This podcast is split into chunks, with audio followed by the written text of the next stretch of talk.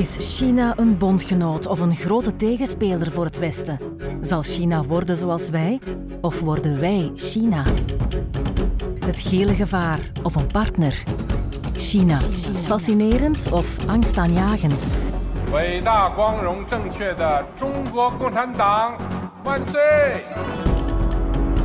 Wordt China de nieuwe wereldmacht? Veel vragen, nog meer antwoorden in de podcast het Rijk van het Midden met communicatie-expert Dimitri Stuur.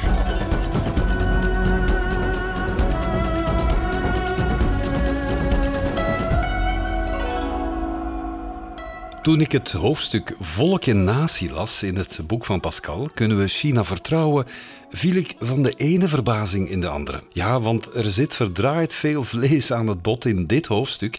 En daarom doen we dat best, denk ik, in twee delen. Dit hoofdstuk dus over volk en natie. Want als ik zeg Taiwan of Hongkong, tja, dan voel je de al hangen. Er valt alleen al maar over die twee onderwerpen wel wat te zeggen en er staat in dit hoofdstuk een pak meer. Het is verre van evident om het allemaal in een andere context te begrijpen dan wat jij en ik daar al over weten, over Taiwan en Hongkong. En misschien vraagt het net dat qubit-denken waar Pascal het in de eerste aflevering over had.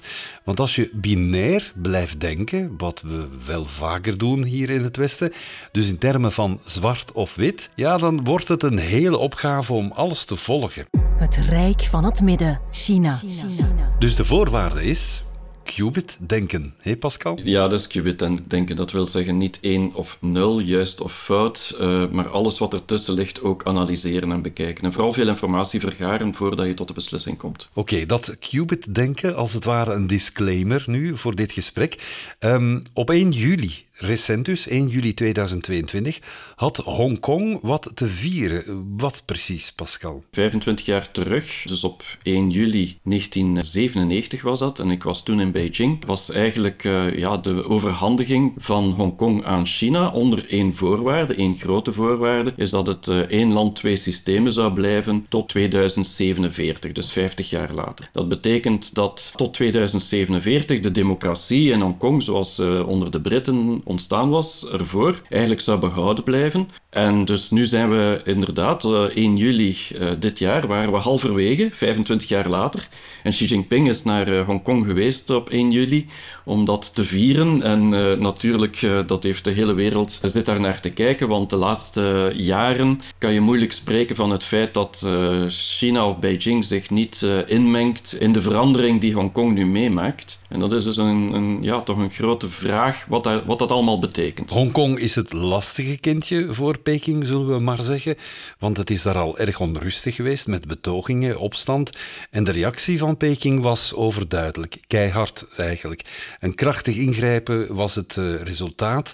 Had Beijing het altijd zo moeilijk met Hongkong? Peking heeft het er in het begin niet zo moeilijk mee gehad. Maar de laatste jaren inderdaad en dat is zo'n beetje onder Trump begonnen. Ik wil zeker niet de vinger wijzen naar Trump, maar uh, het is in die periode begonnen dat eigenlijk de Chinezen in Hongkong, of de Hongkongers, schrik hadden dat Beijing hun vrijheden zou afpakken. En dat is begonnen met een bepaalde uitleveringswet waar die veranderd was, waarbij dat Hongkongers of, of mensen die in, China, in Hongkong zich schuil zouden houden, maar die bijvoorbeeld uh, taxen hebben ontdoken van China, dus Chinezen die in Hongkong zitten, dat ze zouden kunnen uitgeleverd worden naar Beijing.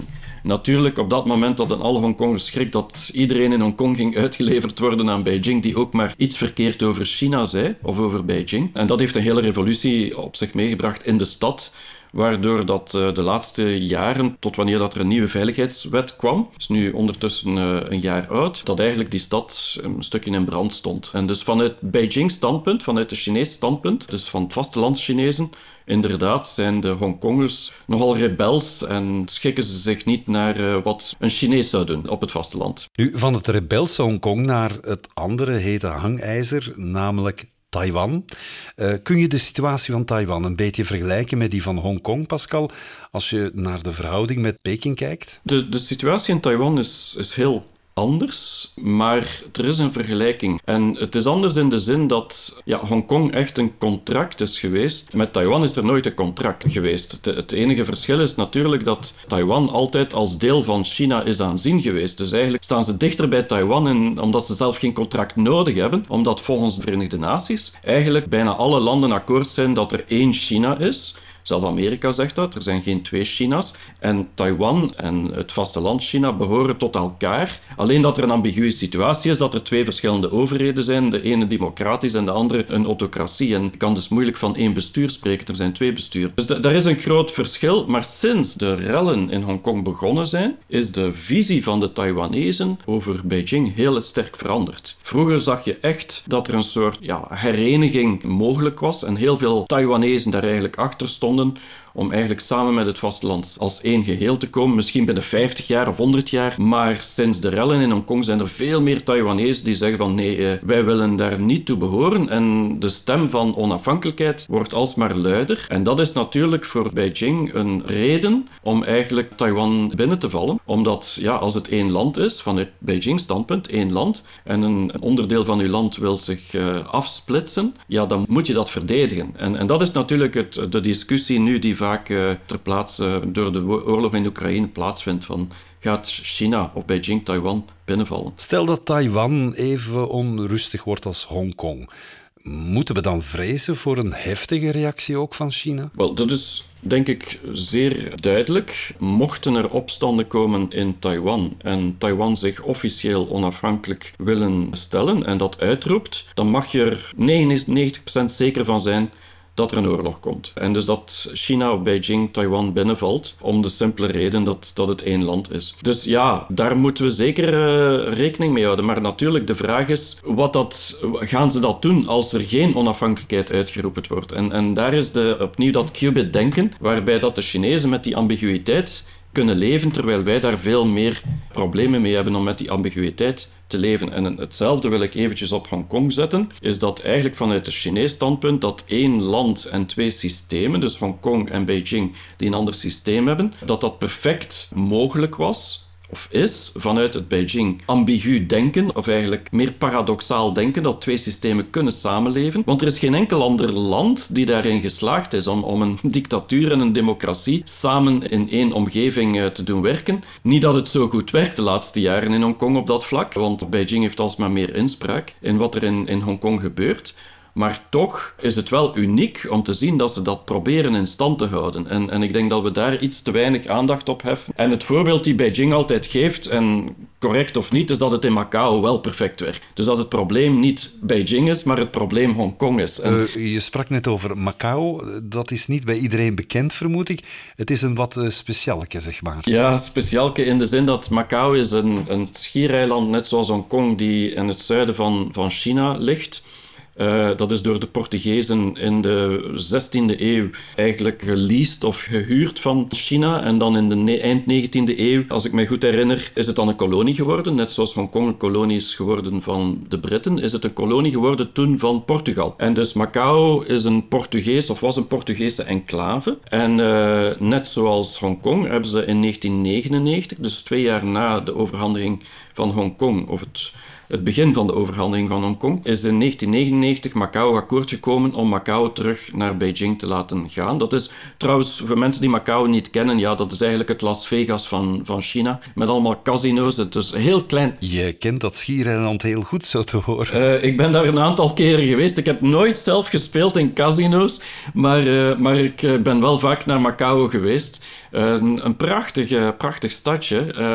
eigenlijk gewoon omdat het ja, die Portugese roots heeft. Je voelt je alsof dat je in Lissabon bent. Maar ja, Portugal heeft natuurlijk een heel andere manier van denken dan de Britten. En dat waren op zich al eigenlijk uh, veroveraars van, van in de 16e eeuw, maar hebben zich veel minder ingemengd met andere landen in de wereld. Het is een land, Portugal, die veel, en, en Macau ook, die veel gelijker was aan, aan China op vlak van armoede, economische welvaart, uh, op vlak van sociale denken en, en ook politieke geëngageerdheid, die veel minder is dan wat we hebben in, bij de Britten en in Engeland, die veel sterker is. En dus je voelt dat ze gewoon veel gemakkelijker die overgang aan het doen zijn. En het loopt vrij goed. Er zijn heel weinig problemen tussen Macau en tussen Beijing. En voor de meeste mensen in Macau is de laatste overhandiging eigenlijk een positieve zaak geweest, omdat ze de bevolking er veel beter bij gevaard heeft. En dat is een heel ander verhaal in Hongkong.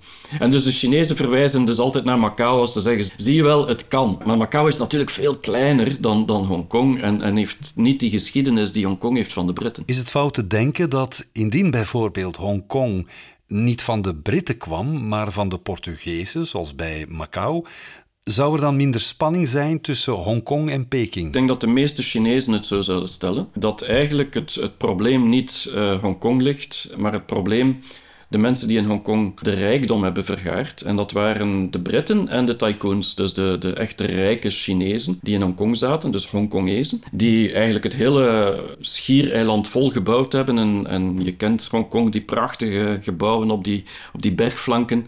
Ja, dat is in handen van tiental families. Er zijn heel weinig mensen die alle rijkdom in Hongkong hebben. En het probleem is dat die eigenlijk die rijkdom die ze vergaard hebben, ook door fabrieken te hebben in, in, in Zuid-China.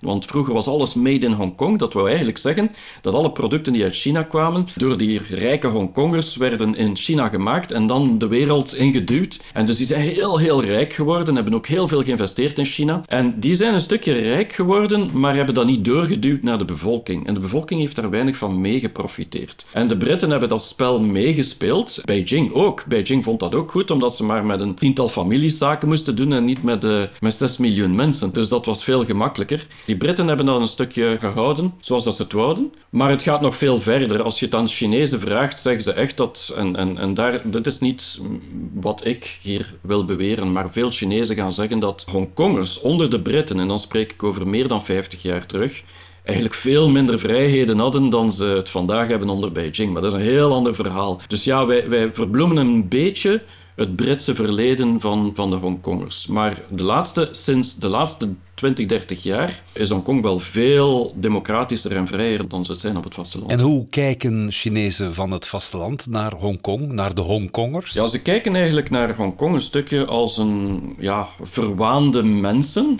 en dat bedoel ik... Eh, niet te negatief, maar toch wel in de zin van ja, zij zijn via. Dit is natuurlijk een Chinese visie. Zij zijn via China rijk geworden. Dus door al de handel, alle financiële transacties, uh, alles ging door Hongkong. De hele wereld kocht van China via Hongkong eigenlijk. En dus Hongkong is enorm rijk geworden. Dus Hongkong is ook een, een servicemaatschappij, een dienstenmaatschappij. Daar zitten alleen maar advocaten en, en boekhouders en, en banken. En omdat ja, die hebben eigenlijk hebben die gezorgd voor de diensten die China levert. En dus die zijn heel rijk geworden. En dus nu gaan ze eigenlijk die, de, de persoon die hen rijk gemaakt heeft, uh, alleen maar belagen. En dus vanuit een Chinees standpunt is dat van ja, eigenlijk zijn jullie, bedanken jullie niet wat wij voor jullie gedaan hebben. En dat is, uh, jullie kijken neer op ons, terwijl je eigenlijk geen recht op hebt. En dat is hoe dat Chinezen er vaak naar kijken. Oké, dat wat betreft Hongkong. Laten we weer even, Pascal, van Hongkong naar Taiwan gaan. Dat is natuurlijk behoorlijk afstand tussen beiden, maar in een gesprek lukt dat heel snel. Um, hoe kijken nu diezelfde Chinezen van het vasteland naar Taiwan. Is dat een beetje op dezelfde manier zoals ze kijken naar Hongkong dan? In het verleden, en dan heb ik het voor de, de revoluties in Hongkong of opstanden in Hongkong, was er veel meer begrip van Taiwanezen. Uh, in de zin dat de Taiwanezen en de, de mainland Chinese, dus de, de vasteland Chinezen, eigenlijk vrij goed overeenkwamen. Maar er is lang een kloof geweest omdat er geen directe vluchten waren tussen de twee landen. En dat lag gewoon politiek. Dus alle vluchten destijds, in begin de jaren 90, moesten via Hongkong passeren. Dus je moest vliegen naar Hongkong en dan van Hongkong naar Taiwan en je kon niet rechtstreeks vliegen. Dat is later veranderd. Maar als je kijkt naar puur investeringen van, en dat is hetgeen dat men vaak vergeet, investeringen in China, dan zijn Taiwanezen en Hongkongers de twee grootste investeerders in het vasteland. En dus er is enorm veel geld verdiend door die investeringen, ook omdat China zo gegroeid is. En dus je voelt heel sterk dat Taiwanese en, en, en vastelands-Chinezen op economisch vlak en ook natuurlijk van het historisch vlak, omdat ja, heel veel geschiedenis hebben ze, hebben ze gelijk. Alles wat voor de 20e eeuw gebeurde, hebben ze gelijk. Waar ze toch wel heel veel, heel veel gelijken. Maar waar Hongkong onder de Britten zat, zat Taiwan heel sterk onder Amerikaanse invloed na de Tweede Wereldoorlog. En voor de Tweede Wereldoorlog was Taiwan een, een Japanse kolonie. Dus ze zat onder Japanse heerschappij. Dus die zijn echt zo drie, vier keer veranderd. Taiwan van eigenlijk heersers in, in de laatste honderd jaar. Dus dat is een heel andere manier van denken. Maar Taiwanezen en, en, en vastelands-Chinezen hebben uh, eigenlijk altijd een vrij goede relatie gehad. Maar dat is heel erg veranderd de laatste jaren door wat er in Hongkong gebeurd is. En zeker de jonge Taiwanezen die hebben daar een groot probleem mee. Jullie zeggen dat dus vooral de jongeren in Taiwan helemaal niet moeten weten van Peking dan? Ja, jonge Taiwanezen, de jonge regering uh, is alsmaar meer een luide stem naar onafhankelijkheid. Wat natuurlijk een, een grote tijdsbom is die ze potentieel kunnen laten ontploffen. Hè? Want uh, ja, het, China gaat dat nooit laten loslaten. Of we dat al dan niet rechtvaardig vinden of niet. Het, is, het wordt beschouwd als een deel van China. En dat is uh, de moeilijkheid daarmee. Hoe lang denk je dat Peking, Xi Jinping, de communistische partij, nog geduld blijft uitoefenen? Is er meer neiging intussen om toch manu militari in te grijpen in Taiwan als het zo nodig moet? Om die, die lokroep naar onafhankelijkheid met geweld dan neer te slaan? Well, niemand kan het inschatten natuurlijk. Maar het is wel zo dat, ik in mijn boek ook geschreven een aantal keer, inderdaad, die positieve noot is vooral dat wij als we naar China kijken, dan gaan we altijd naar onze geschiedenis in het Westen kijken om China eigenlijk uh, te verklaren. En inderdaad, als we kijken naar, naar grootmachten in de wereld, in de geschiedenis, die hebben altijd veroverd om een wereldmacht te worden. China heeft dat nooit gedaan, echt. China heeft geen enkel land sinds 1978 binnengevallen. En wil dat zeggen dat ze het nu niet gaan doen? Dat is natuurlijk de vraag. Maar Taiwan zit daar als een uitzondering, want eigenlijk Taiwan, ze zouden het zelf niet binnenvallen als ze het aanvallen, omdat het deel van China is. Dus dat is een heel ambiguë situatie. Kunnen ze daarmee blijven leven? Wel, ik denk het wel. En de reden dat ik het denk is omdat Eigenlijk is er geen enkele reden voor hen om Taiwan te gaan inpalmen op dit moment. Zolang zij hun economische groei kunnen blijven handhaven en de welvaart van het land en de bevolking kunnen verbeteren, die miljoenen Taiwanezen, gaat het verschil niet uitmaken. Ze hebben genoeg mensen om zich mee bezig te houden. Ze hebben genoeg markten om naartoe te gaan. Ze hebben Taiwan niet nodig. Het enige waar men altijd over spreekt is die, die chip eh, manufacturing van TSMC in Taiwan. Dat dat eigenlijk een, een verschil zou uitmaken. Maar daar zijn we absoluut nog niet dat China niet in staat zou zijn om zelf eigenlijk chips te ontwikkelen in die mate dat ze afgesloten worden van de hele wereld. Dus ik denk niet dat dat een probleem kan zijn. Maar dat is het enige uitzondering die ik zie. Als China plots geen chips meer krijgt, dan zitten we misschien wel, wel met een probleem. Maar voor de rest zie ik echt niet waarom China dat zou doen. Dat zit niet in die logische Chinese cultuur om eigenlijk harmonisch terug naar elkaar te groeien. Maar het is wel zo, als iets afgepakt wordt, dan zitten we met een andere vraag. En, en dat is wat zou kunnen gebeuren. Een incident zie ik wel mogelijk een militair incident. En dan weet je nooit natuurlijk wat er gebeurt. En dan zitten we met een heel ander verhaal waarbij dat de westerse wereld gaat zeggen van zie je wel, China is uh, expansionistisch en die wil aanvallen. En China zal dan zeggen, ja maar nee, uh, jullie hebben dat incident veroorzaakt. En ja, en dan is wie, wie, wie, is, wie was de eerste en wie was de tweede? En dat is altijd de uitdaging. Dus hoe meer dat we daar eigenlijk problemen creëren, hoe gevaarlijker het wordt. Het blijft dus dansen op een slappe koord. Heel erg, heel erg. En, en dus hoe meer militaire agressie dat we zien in de regio, en dat zien we heel duidelijk met de NATO vandaag. Eh, vorige week was er een NAVO-top, waar je heel duidelijk zag dat ze nu richting Azië gaan. Ja, dat, dat zijn, dat zijn echt, uh, echte tijdsbommen die we aan het creëren zijn. Zeg je nu, Pascal, dat het Westen zich net wat te uitdagend opstelt in die regio? Gezien het feit dat we geen vertrouwen hebben in het feit dat China kan leven met ambiguïteit, is dit eigenlijk wel een gevaarlijke situatie. Als we vertrouwen hebben dat China met die ambiguïteit kan leven, dan is er geen reden om zoveel eigenlijk, uh, druk op die regio uit te oefenen. Maar natuurlijk, de regio is complexer dan dat. Je zit met Noord-Korea in die buurt, die ook bescherming eist voor uh, Japan en Zuid-Korea. Je zit met de Zuid-Chinese Zee, dus het is een heel complex verhaal aan het worden. Maar wat je echt voelt, is dat duidelijk Amerika en de NATO ja, de Noord-Atlantische Zee die wordt plots uh, heel groot, want die gaat echt wel richting Indische Oceaan of de Indië-Pacific, zoals men zegt. En dat gaat dus heel, heel dicht naar China toe. En dus ja, ik denk dat wij gevaarlijk spel aan het spelen zijn wat Taiwan betreft. En China, ja, die, die blijft reageren op die incidenten, die druk die ze krijgen. Dus ja, het is gevaarlijk. Dat is een gevaarlijke geopolitieke situatie.